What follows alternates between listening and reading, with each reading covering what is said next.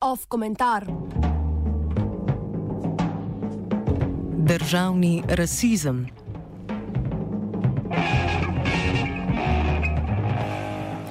Zadnje čase je situacija v Venezueli ena tistih, ki nudi medijem neizčrpen vir na hitro skuhanih in stalno pogrevanih zgodb.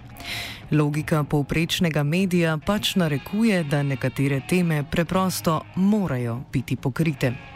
Če o njih pišejo od Washingtona do Los Angelesa, moramo po njihovem vzoru pisati tudi od Londona do Kijeva in še dlje. Seveda, način poročanja pove več o nas samih kot o Venezueli.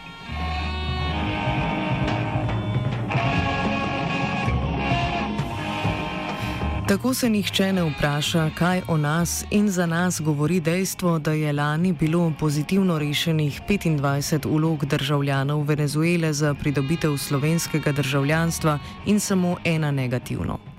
Letos je bilo do sedaj pozitivno rešenih vsaj 16 ulog in ena negativno. Za podatke smo izvedeli šele nedavno in kljub njim mediji povezani s Slovensko demokratsko stranko še zmeraj ustrajajo, da Slovenija zavrača slovence iz Venezuele.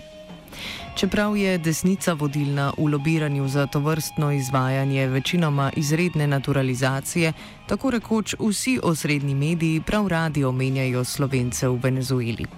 A kdo sploh so ti slovenci? Kaj pomeni biti slovenec?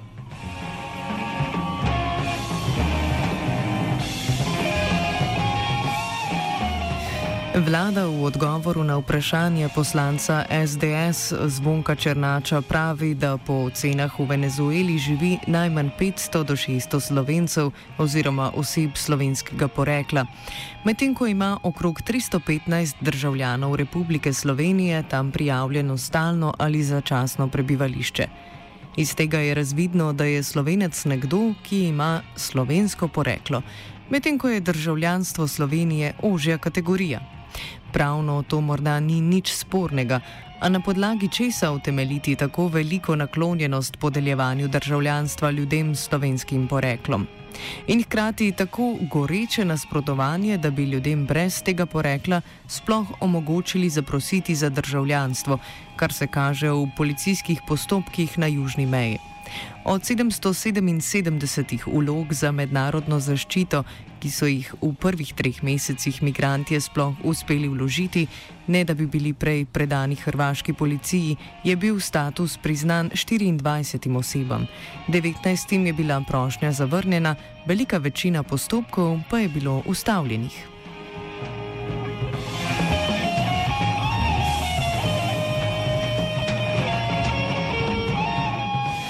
Od 17 ulog državljanov Venezuele je bila negativno rešena le ena. Nasprotno je prosilcem za azil iz Bližnjega vzhoda in Severne Afrike stežka ugodena prošnja. Medtem ko za desnico tako, sta, tako stanje pomeni svoj vrsten civilizacijski dosežek, bi se na levici pogosta ocena glasila državni fašizem, državni rasizem, nacionalizem, kakor da je vse to eno in isto kakor da pravzaprav sploh ni problem v rasizmu, temveč v državi, ki je inherentno rasistična, fašistična. To vrstno razumevanje je simptom liberalizma vse od 19. stoletja, ki državo enači z vlado. Tudi vlada je lahko v najboljšem, idealno republikanskem vidiku le zastopnica političnega telesa države, v najslabšem, dozdevno empiričnem vidiku pa birokratski stroj.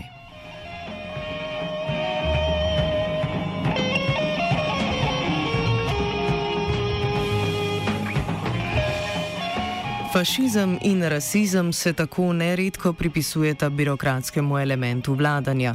Tudi birokracija po nujnosti sploh ni odvisna od nobene forme vladavine, sploh ne potrebuje nobene ustave in je prevladujoč način funkcioniranja vseh korporacij. Bistvo moderne birokracije namreč niso zakoni ali zakonska ustaljenost postopkov, temveč tajno upravljanje prek uredb in ukazov, ki gredo iz pisarne na teren in poročil poslanih v obratno smer. Ko tako imenovani politiki vedno in povsod ponavljajo, da se zauzemajo za manj birokracije, s tem mislijo le, da bodo birokracijo organizirali na način menedžerstva in zasebnega gospodarjenja, iz nje pa izrinili še zadnje povojne ostanke državne blaginje. Birokracija je torej kako rasizma, kar vidimo na primeru znane depeše nekdanjega generalnega direktorja policije Simona Veličkega, katere namen seveda ni bil, da bi postala javna.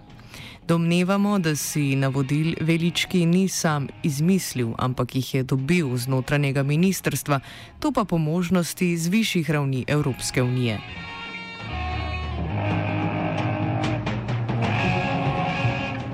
Ne more pa biti birokracija za kaj rasizma. Ne pojasni, odkud vladi razumevanje, da je slovenec v Venezueli nekdo s slovenskim poreklom. Drugače rečeno, slovenec je nekdo s slovensko krvjo, kar je razvidno iz tega, da lahko za izredno naturalizacijo iz nacionalnih razlogov zaprosi slovenski izseljenec ali njegov potomec do drugega kolena v ravni vrsti. To pa ni nič drugega kot rasistična formulacija, za razliko od denimo take, po kateri bi slovenec bil nekdo, ki govori slovenski jezik, kar bi bilo zgolj nacionalistično dojemanje. Urbanovo skoraj leto dni tajno naturaliziranje 300 venezuelcev mačarskega rodu, ki sploh naj ne bi govorili mačarsko, lepo izpostavi razliko.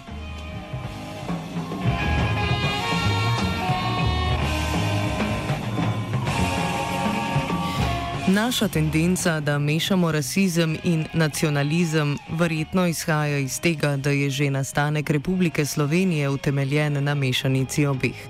Sklicevanje na nacionalni jezik literature pri Trubarju, Preširnu in tako dalje je nacionalističen element. Dojemanje slovenskega naroda kot naslednika slovanskih prednikov pa rasističen.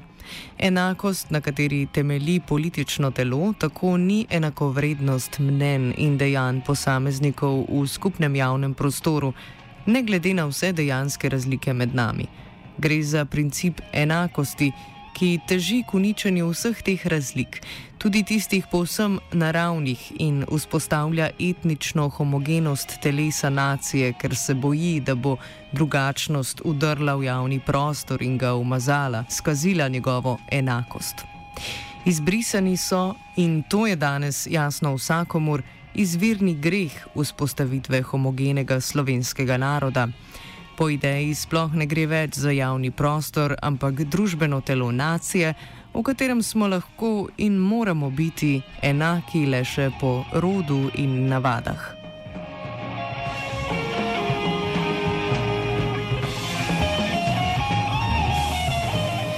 Na podlagi takega principa sistematično kršenje osnovnih človekovih pravic migrantov na južni meji ni nič čudnega, saj morajo nacionalne vlade same skrbeti za uveljavljanje teh domnevno univerzalnih, neodtujljivih in naravnih pravic. V trenutku, ko vlada začne zares skrbeti za človekove pravice, v resnici skrbi za človekove pravice svojega političnega telesa, kajti sama ustanovitev tega je utemeljena na spoštovanju človekovih pravic.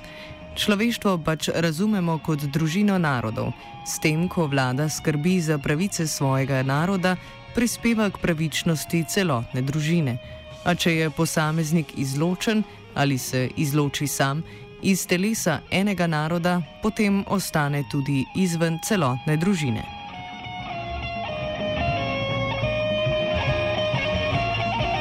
Tisti imigranti, ki so se iz telesa svojega naroda izločili sami, pa če tudi neformalno, so poleg neuzdržnih življenjskih pogojev letalci podobnega nerazumevanja človekovih pravic, svobode, enakosti, kakor mi, ko sanjamo, da posedujejo človekove pravice nekakšno magično silo, s katero se v tako imenovanih demokracijah po nujnosti in same od sebe uveljavijo ali pa da so enkrat za vselej že tu in jih imamo, kakor imamo avto. Komentiral je Martin. Oh.